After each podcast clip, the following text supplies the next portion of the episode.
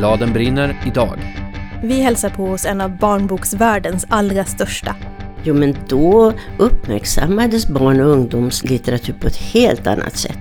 Mårten Sandén om att skriva om sorg. Det har nog hänt att vuxna har tyckt att böckerna är för mörka. Och jag tycker att de har fel. Och så har vi läst bilderboken En sån dag av Sanna Borell och undrar vad är det med den där mamman? Välkomna till Bladen brinner.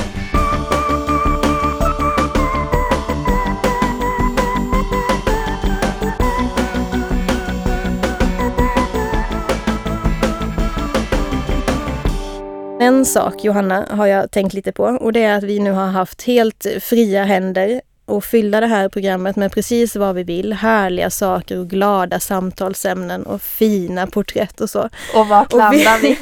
nu står vi här med ett första avsnitt som handlar om sorg, förluster, depressioner. Vad, vad hände? Eh, det är nog bara att vi råkade tänka vi ska ta allt vi gillar extra mycket först och det var tydligen så att vi gillar sorg. Mm. Ja. Det här är första avsnittet av Bladen brinner och varannan torsdag från och med nu så kommer du att kunna lyssna på intervjuer, reportage, boktips och samtal om barn och ungdomslitteratur. Jag heter Johanna Lindbäck. Och jag heter Lisa Bjärbo. Det finns eh, jättemånga anledningar att prata om barn och ungdomslitteratur. En är till exempel att det finns extremt många böcker nu för tiden som är bra och intressanta författare att intervjua och viktiga frågor att diskutera. En annan anledning är att barn och ungdomslitteratur får så himla lite utrymme idag. Eh, man pratar gärna om att barn och unga måste läsa, men inte så mycket om vad de kan läsa. Vi hoppas att du som lyssnar på det här programmet ska gå ifrån varje avsnitt och ha en lång lista på boktitlar som du har blivit nyfiken på och vill kolla upp lite närmare. Antingen kanske för din egen skull eller för någon ung människa i din närhet. Det finns otroligt mycket bra barnböcker i det här landet som bara väntar på att bli lästa.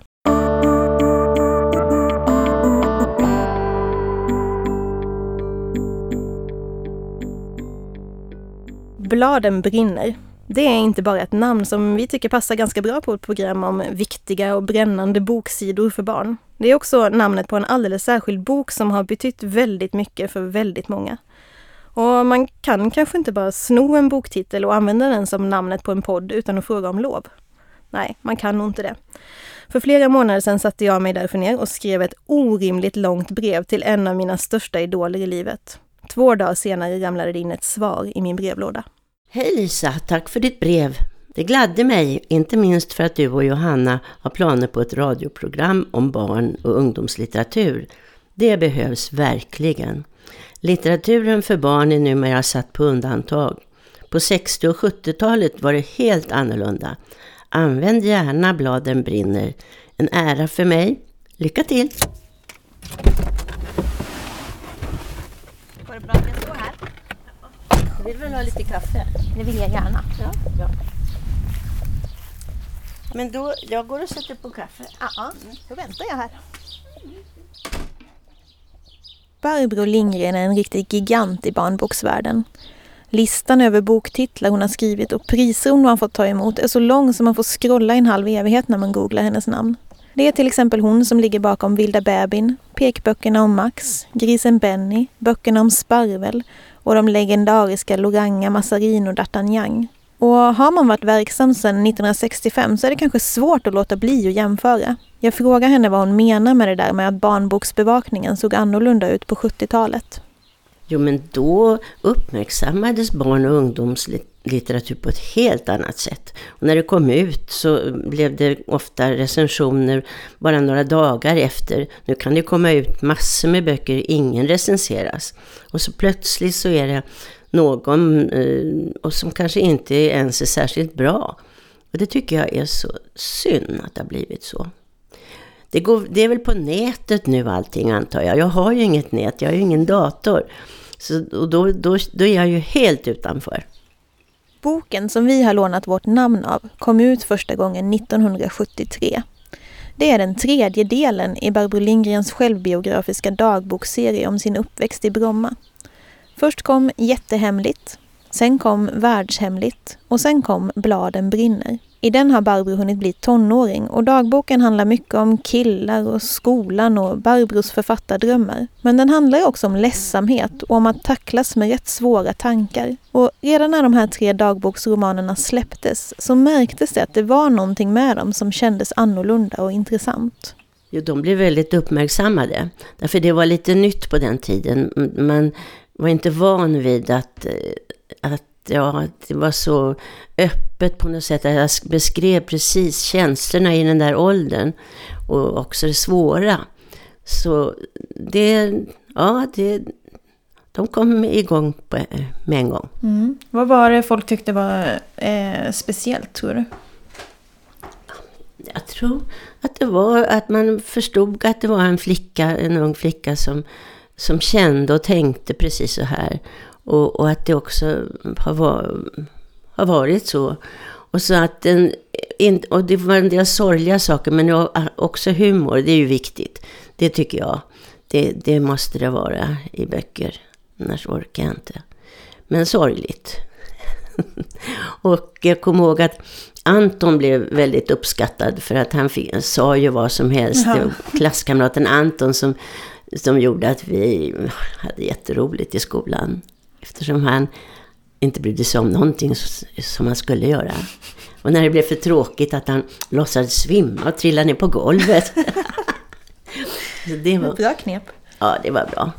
I den första boken så blir ju Barbro, eller du, blir ju deprimerad och går hem från skolan. Mm. Det måste ju ha varit ett ganska nytt ämne att skriva om för barn, eller? Jo, men det, det har du rätt i. Det, det, där, det var också någonting nytt. Och det var bra, för det var ju många som kunde känna igen sig.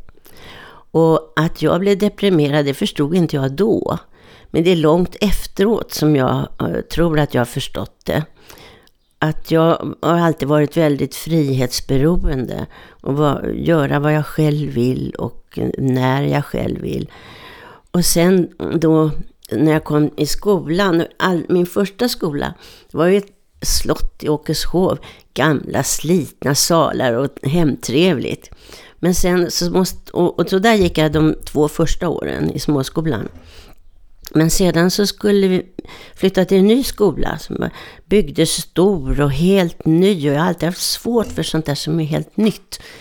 Och, och så, så då tänkte jag, när, när jag satt där i skolsalen, att ska jag sitta här i nästan resten av mitt liv och, och, och bara liksom vänta på att få, få gå, springa härifrån? Och då kände jag, nej det går inte. Så gick jag. Ja. Och som tur var så sa magistern att när, när jag reste på mig och skulle gå, mår du inte bra? Och då tänkte jag, nej, nej, nej, men då så. Och så hade jag nära hem.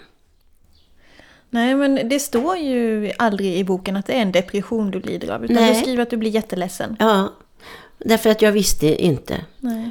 Och, och jag var inte mobbad.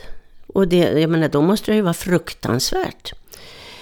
Och, och, jag hade inte särskilt svårt för mig. Jag var väl inget bra i matte, men det brydde jag mig inte så mycket om.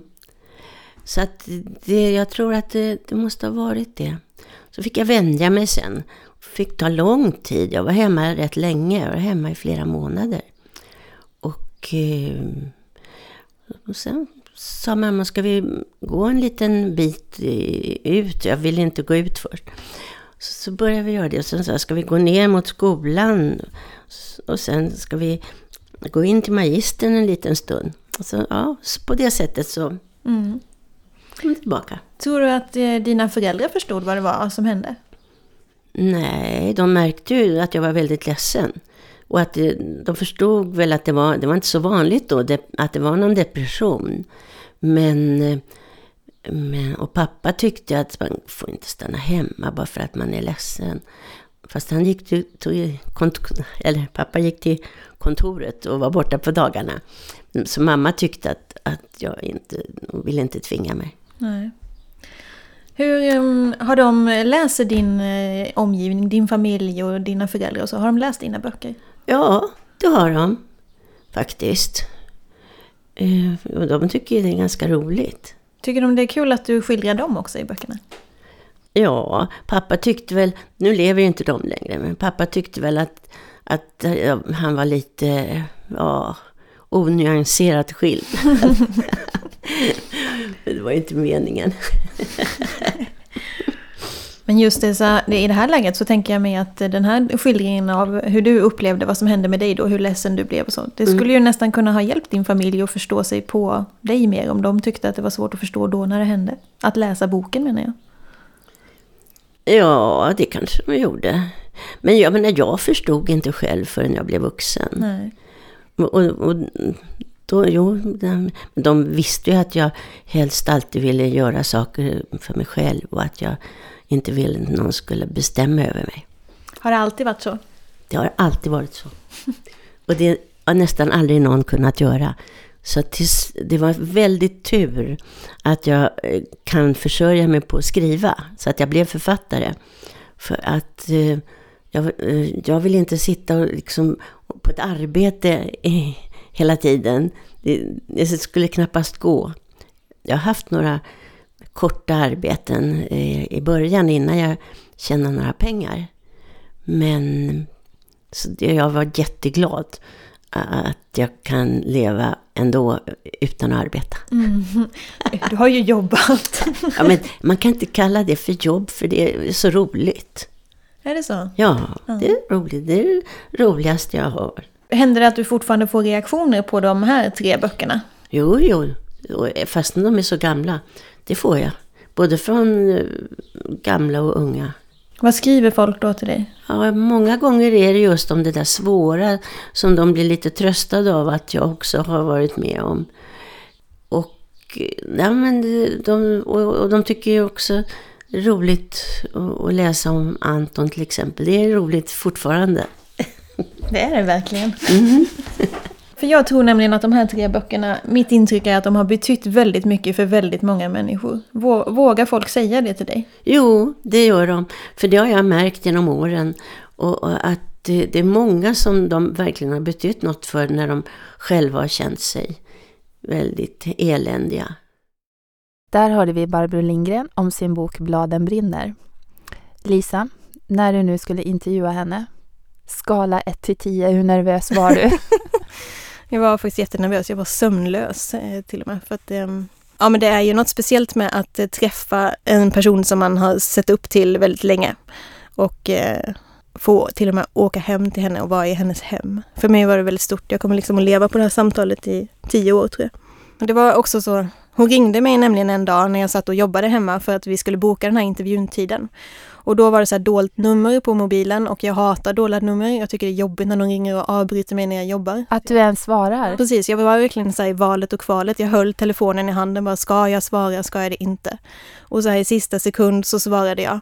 Och så var det Barbro Lindgrens röst i den andra änden av telefonen och det var ju som att jag det var som när jag var 14 och den jag var kär i ringde och det kändes som att så inälvorna gjorde en loop i magen. Typ. Att det, var, det var på den nivån. Det var stort. Från och med nu kommer jag alltid svara på dolt nummer. det kan alltid det kan vara, vara Barbro Lindgren.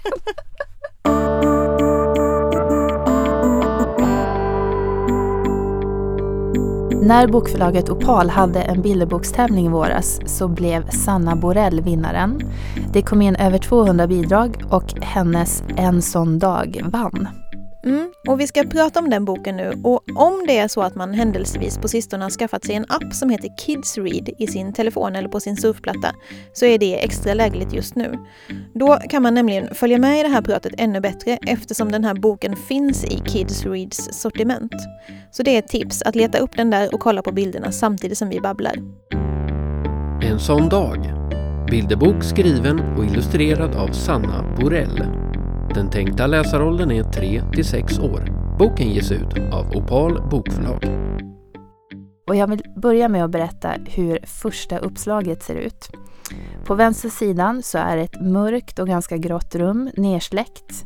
Där ser man massa döda eller liksom bara slokande krukväxter. Det ligger en massa smutsiga strumpor på golvet. Eh, på bordet står det lite gamla tekoppar. Jag älskar Några... de där tekopparna. Det är typ tre stycken Det är tre gamla tekoppar. Jag känner igen mig så väl.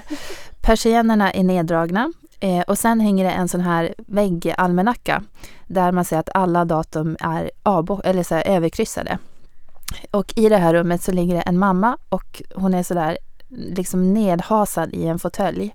Och hon ligger och tittar på sin mobil och det är den enda ljuskällan i det här gråa rummet. Men sen på den högra sidan, då är det väldigt vitt och ljust och färgglatt, så här glada färger. Det är ett barn som vill ha en picknick och hon behöver packa ihop en massa grejer och så vill hon att mamma ska hjälpa till. Och mamman är bara, nej jag orkar inte. Och då är det ju den här mamman. Vad är det med mamman Lisa? Ja, är det något med mamman? Det är ju liksom så intressant tycker jag att det, det är det första jag tänker när jag tittar på den här bara första uppslaget. Så tänker jag så, vad är det för fel på den där mamman? Varför sitter hon där och är helt grå och glor på sin mobil och orkar inte ha picknick? Och det är så knäppt att överhuvudtaget ja, det behöver inte vara någonting med den här. Hon kanske har en, inte ens en dålig dag, utan hon kanske bara vill skriva färdigt sin freaking bildtext till en Instagram-bild som hon ska lägga upp. Och så tycker hon att barnet är så här, ja men kan du sluta tjata? Mm. Det behöver inte vara någonting mer än så. Men min instinktiva reaktion när jag ser henne är att det här är en mamma som inte mår bra. Hon kanske är deprimerad, hon kanske är utbränd. Hon kanske är sjuk på något vis. Och det här baserar vi alltså på strumpor på golvet, tre tekoppar på ett bord och lite döda krukväxter. Det är liksom hårda bud Jag kan säga mitt hem. det är väldigt hårda bud. Eh, och det är, det är liksom både tragiskt och intressant och väldigt alarmerande att vi reagerar på det här föräldrar i bilderböcker eller föräldrar i kulturen. Speciellt mammor. Mammor är ju alltid hårt ansatta. Ja men alltså verkligen speciellt mammor. Var det någon som lyfte ett enda ögonbryn på 70-talet när Alfons Åbergs pappa satt i sin fåtölj och bara nej, var helt nedsjunken nej. i sin tidning och bara gör vad du vill Alfons, ta, sa, bara inte ta sågen. Då tyckte man ju bara så här, han vill sitta där och läsa tidningen. Det är mm. väl vilken normal förälder som helst. Mm. Men jag tänker att det är extra snävt för mammor som ska vara så här alerta, härliga, baka bullarna. De ska redan ha bakat bullarna till den här picknicken och stå redo i hallen med liksom färgglad jacka och härligt humör. Och att man måste reagera direkt barnet säger någonting. Man kan inte bara säga nej jag orkar inte nu, vi gör det efter lunch. Det är bara nu direkt picknick. Nej, vi är utom dörren om fem minuter annars är man dålig. Men förutom att jag spontant tänker att det är någonting med den här mamman så känner jag ju också, det är väldigt härligt att känna igen sig själv i barnboksmammor. Det är inte alltid jag tycker att jag hittar mig själv som förälder i bilderböcker. Det är fortfarande ganska så att bilderboksmammor, eller föräldrar, men mammor kanske framförallt, är ganska så här stepford wives med oändligt tålamod som aldrig tappar humöret. Och så mm. finns det liksom få undantag när det glimrar till. Jag tänker på till exempel mamman i eh, Pia Lindenbaums när Åkes mamma glömde bort, som alldeles uppenbarligen inte har sitt, sin, sin bästa period i livet, utan hon bara glömmer allt och förvandlas till och med till en drake. Hon är väl i alla fall på utbrändhetens mm, rand skulle jag Det får man nog säga. Och så finns det också Stina Wirsén har ju skrivit de här Vem-böckerna och då finns det en som heter Vem städar som jag bara nästan nästan inte kan läsa den för att det är så otroligt mycket igenkänning i den, så här, den dåliga stämningen i familjen när mamman och pappan ska städa och tvinga det lilla barnet att vara med. Och det är så här sjukt dålig stämning för att de bråkar om hur man dammar och vem som ska gå med återvinningen och hur man återvinner. Och så slutar det med att mamman så i smyg ligger i sängen och käkar chips. Mm. Och, men det är inte så himla ofta man hittar de där små mm, liksom, ögonblicken när man känner att ah, men det, där, det där är jag som förälder eller det skulle kunna vara jag en, åtminstone om jag hade en dålig dag. Men från den här inledningen, vad händer sen i bilderboken? Jo men sen så eh, försöker ju det här barnet så bara, jo men kom igen, mamman säger ju faktiskt rakt ut så här, men jag känner mig tung i kroppen idag, jag orkar inte, jag behöver vila. Det är ju också det som gör att man får en känsla av att eh, hon verkligen är i alla fall trött. Men barnet ger sig liksom inte utan hon säger jo men kom igen mamma, din kropp kommer att kännas lättare när vi väl är ute och cyklar i friska luften. Och så cyklar de iväg. Till slut får hon med sig sin mamma upp ur den där fåtöljen. Och så det är väldigt roligt att barnet frågar så här, känner du inte nu i uppförsbacken, så här, mamman har en sån här cykelvagn bakom och barnet sitter där. Och så frågar barnet så här helt överpeppad, bara, känner du inte nu att det är mycket lättare? Och mamman bara, inte direkt, jag är jättesvettig, det är skitjobbigt. Men de kommer upp eh, och de kommer och har, de liksom inleder sin picknick på lite olika sätt. Får man avslöja slutet? Jag vet inte, får man spoila en hel bilderbok så här eller? Nej men okej, vi gör inte det. Men vi kan säga att det slutar i en annan ton än det börjar. men jag tänker, just det här med färgerna tycker jag är så spännande för allt eftersom boken fortsätter. Så mammans hörn är från början det här gråa och mörka. Om det är träd på hennes eh, bit av eh, bilden så är det liksom gråa träd och barnets träd är gröna och färgglada. Men sen allt eftersom barnet får igång mamman så blir det att det här ljusa och färgglada tar över mer och mer så att mammans gråa tillvaro försvinner. Nu har jag inte spoilat för mycket men bara lite så. Eh, så att det blir en eh, både visuell och, visuell och textig eh, fin sammansmältning och upplösning. Men nu när vi har pratat om det här låter det som att vi har en otrolig hang-up på mamman. Eh, är det här en bilderbok för vuxna? Nej, jag vet inte om jag tycker att det är det. Alltså, vad menar du egentligen när du säger så? Jo, men jag menar sådana här böcker som är lite mer eh, på en högre nivå. Man läser dem med sitt barn så kommer barnet inte tycka att det är en jätterolig bok medan vuxna kommer att tycka åh det är så fina bilder, det är så fint budskap. Att det är liksom konstnärer har inte riktigt hittat den egentliga läsarnivån utan lagt sig för högt. Mm. Men fortfarande förpackar det som att ja, men det här ska vara för en fyraåring. Ja, men jag tänker att det handlar ganska mycket om att det är olika nivåer. Att de vuxna kan uppskatta en del av den här bilderboken mm. och barnen hittar någonting annat. Och för barnen tror jag det mer handlar om ett, en en kul dag i parken, typ att barnen klättrar skithögt i ett träd och det är häftigt att hon vågar klättra ända upp till exempel. Mm. Eh, så att man hittar ord, det tycker jag är det finaste med bilderböcker, eller med all högläsning som är vuxen och barn i samspel, att eh, de vuxna kan få små blinkningar och skratta åt något. Och barn kanske skrattar åt någonting helt annat. För vi måste ju säga att det pågår ju saker för barnet också. Vi har nu varit väldigt fokuserade på mamman. det är för att vi, vi gillar mamman. Men alltså även barnet, hon håller på att leta efter grejer och hitta saker och det händer, det är ett äventyr för henne med. Mm. mm. Tycker vi om den? Jag tycker jättemycket om den. Och jag tycker också om att hitta mig själv i den här mamman. Och jag tycker också barnet är ett bra barn som kämpar på.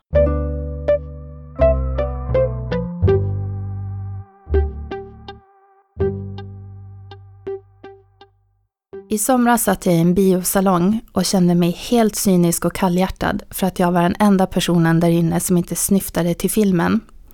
Jag tyckte bara allting var så himla manipulerat fram till steget när man skulle börja gråta. När jag läser Mårten Sandéns böcker, då blir det tvärtom. Han har skrivit ungefär 40 stycken. De är för alla åldrar och de handlar om alla möjliga ämnen och genrer. I höst är han aktuell med Min bror Monstret som är en ungdomsbok och I bergets hjärta som är för 9 till 12 år. Han skriver väldigt ofta om sorg och även fast jag vet om det blir jag alltid överrumplad och helt känslostormad.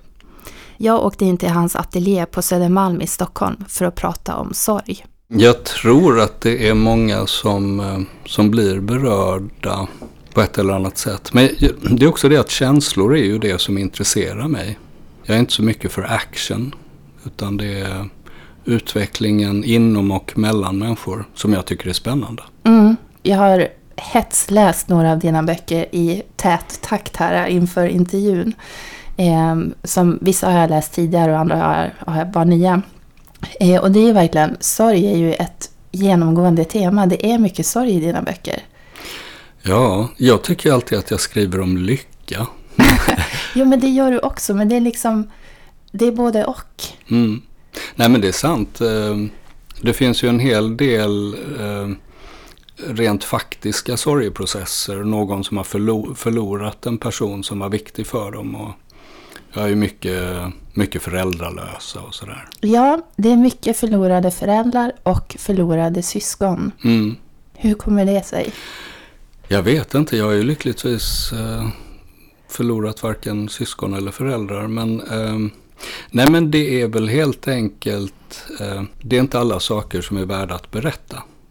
Det, det, finns väldigt stora delar av ett mänskligt liv som skulle bli urusla böcker. Därför att de innehåller ingen laddning egentligen. De kan vara behagliga eller roliga eller lärorika eller vad som helst. Men eh, de avsnitt som det går att göra en roman av, de innehåller starka känslor, de innehåller dramatiska skeenden det är väl det, en förlust det är ju någonting som, eh, som öppnar upp en människa.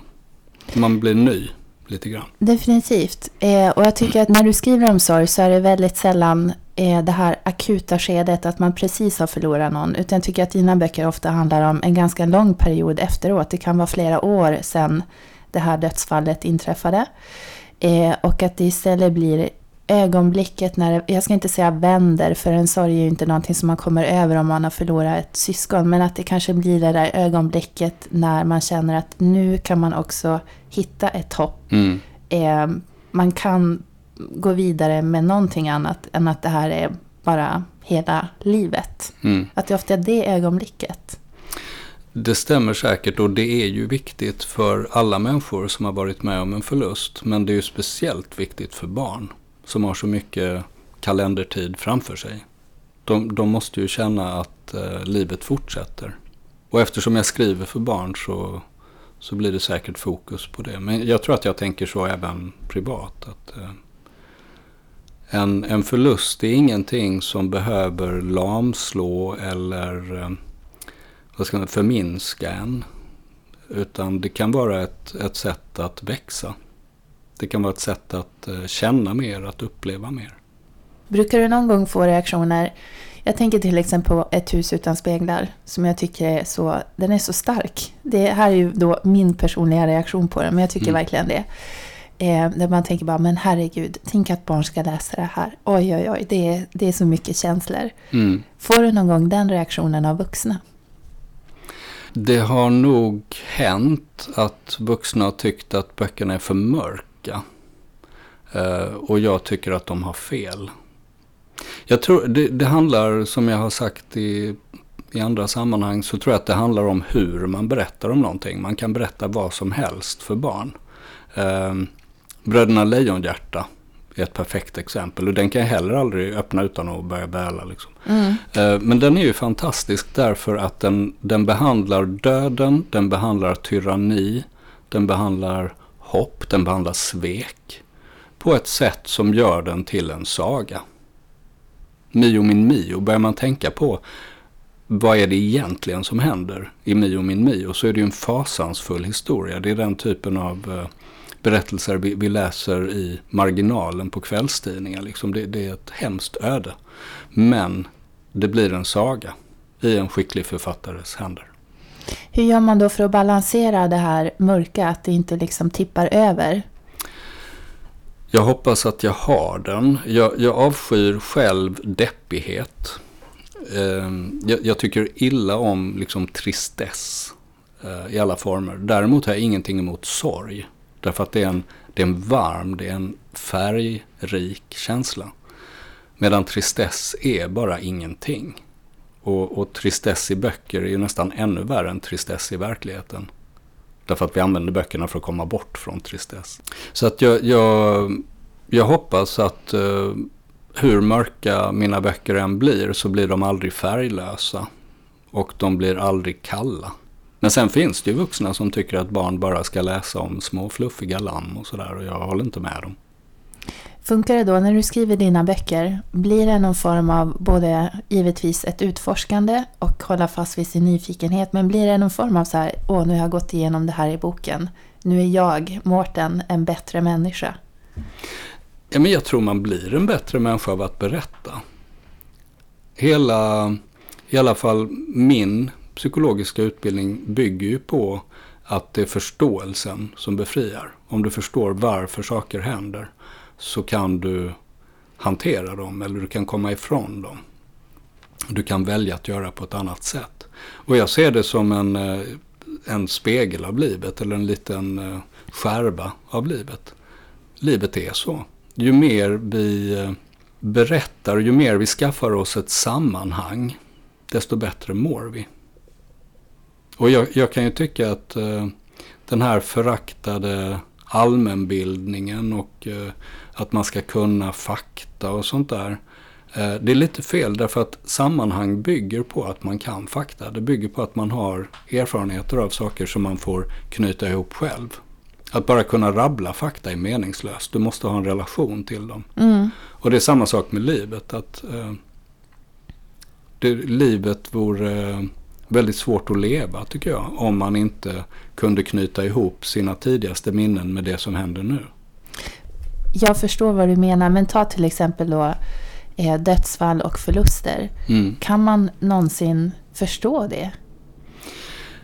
Nej, det tror jag i och för sig inte. Eh, för jag menar, vi, vi kan ju omöjligt förstå döden. Vi kan inte förstå vad det är. Och vi, framförallt kan vi inte förstå vår personliga död. Den är alltid per definition obegriplig. Men däremot så kan vi ha ett förhållande till den. Vi kan, eh, vi kan knyta fast den i någonting annat. Vi kan dra små trådar till saker som vi känner till och därmed sätta den i ett sammanhang som gör den hanterlig.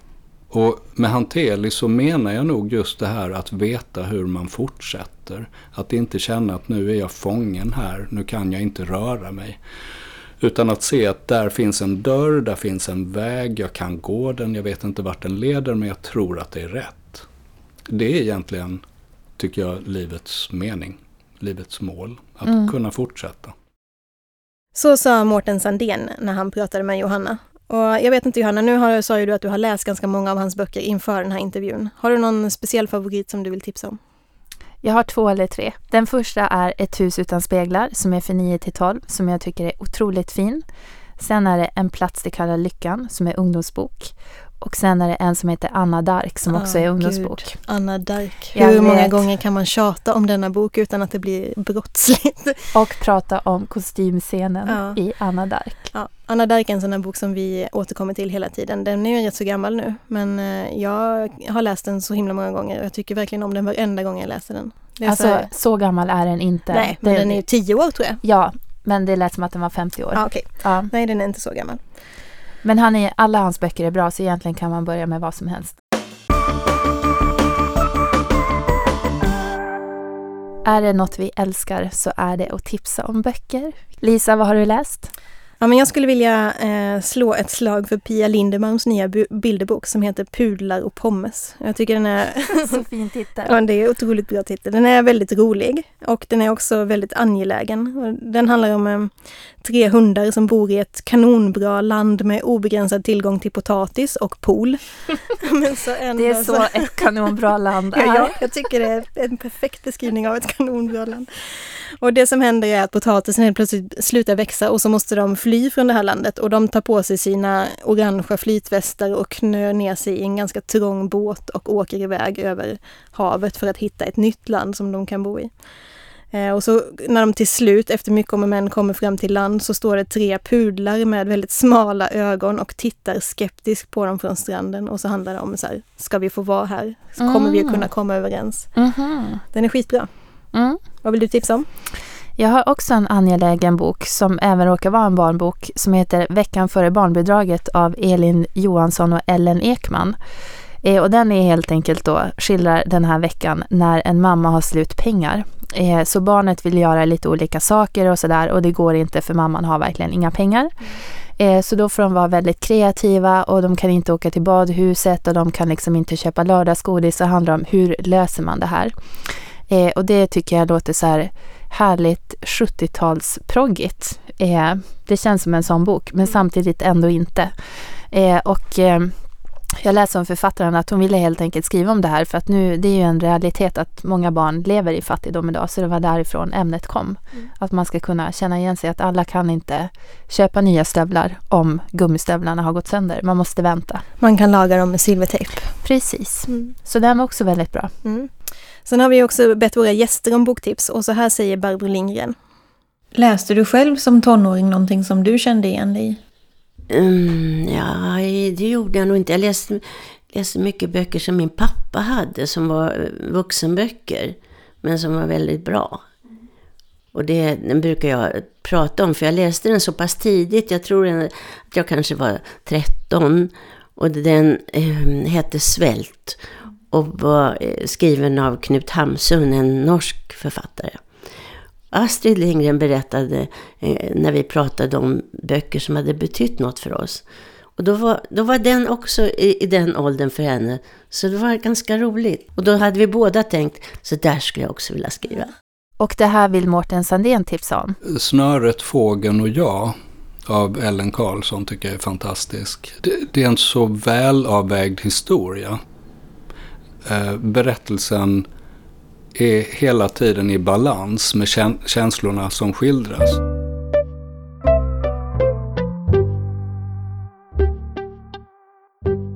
Och det var allt för det här avsnittet. Och innan vi slutar skulle vi bara vilja tacka en massa människor. Och inte minst så är det alla de här privatpersonerna som har stöttat oss i vår Kickstarter-kampanj. Utan er så skulle vi ju aldrig kunnat gjort den här podden. Och sen görs Bladen brinner i samarbete med Dieselverkstans bibliotek, Älta bibliotek och Saltsjöbadens bibliotek i Nacka. Kidsread.se som är en app fylld med barnböcker för telefoner och surfplattor. Mediagymnasiet i Nacka Strand som är en gymnasieskola där eleverna får möjlighet att utveckla sina estetiska uttryck i olika konster. Och en rad härliga bokförlag, nämligen Rabén och Sjögren, Bonnier Carlsen, Alfabeta, Opal, Lilla Piratförlaget, B. Wahlströms och Bergs bokförlag. Tusen, tusen tack till alla er. Tack! Och så vill vi också tacka vår producent som heter Gustav Edman, Håkan Lidbo som har skrivit musiken och Emma Adbåge som har ritat vår logga. I nästa avsnitt av Bladen brinner ska vi träffa världsstjärnan Cornelia Funke. Och så ska vi prata vardag med humorproffset Elin Lindell som skriver om Gördis som vi tycker om. Eh, och så kommer vi att frossa i höstens bästa böcker. Tills dess så hittar ni oss på Facebook och på Instagram där vi heter Bladen brinner podcast eller via vår sajt bladenbrinner.se. Vi hörs igen om två veckor.